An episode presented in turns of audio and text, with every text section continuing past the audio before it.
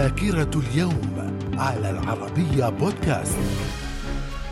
أهلا بكم ومن ذاكرة اليوم الحادي عشر من أكتوبر. في العام 1516 تنصيب المملوك طومان باي سلطانا على مصر خلفا للسلطان قنصوى الغوري الذي قتل في معركة مرج دابق. وفي العام 1910 الرئيس الأمريكي ثيودور روزفلت يصبح أول رئيس في العالم يطير بالطائرة وذلك لمدة أربع دقائق في طائرة من صنع الإخوان رايت في ولاية ميزوري. من الذاكرة. ومن ذاكرة الحادي عشر من أكتوبر من العام 1973 القوات العراقية تدخل رسميا للمشاركة في حرب أكتوبر. وفي العام 1977 اغتيال رئيس الجمهورية العربية اليمنية المقدم إبراهيم محمد الحمدي. في العام 1986 عقد لقاء قمة هو الثاني بين الرئيس الأمريكي رونالد ريغان والزعيم السوفيتي ميخائيل غورباتشوف في ريكيافيك. في العام 1991 تفكيك جهاز الاستخبارات السوفيتي القوي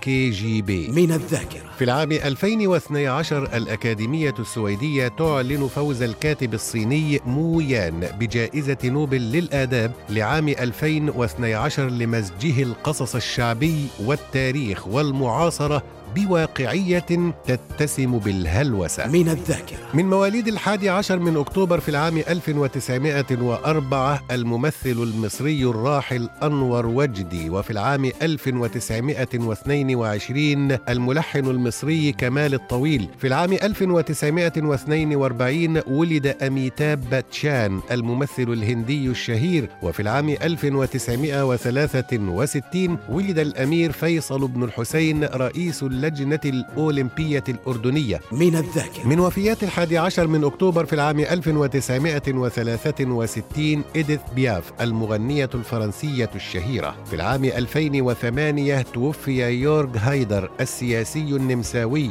وفي العام 2013 توفيت ماريا دي فيوتا سائقة الفورمولا 1 الإسبانية. وتوفي في اليوم نفسه من العام 2013 وديع الصافي المغني والملحن اللبناني. إلى اللقاء.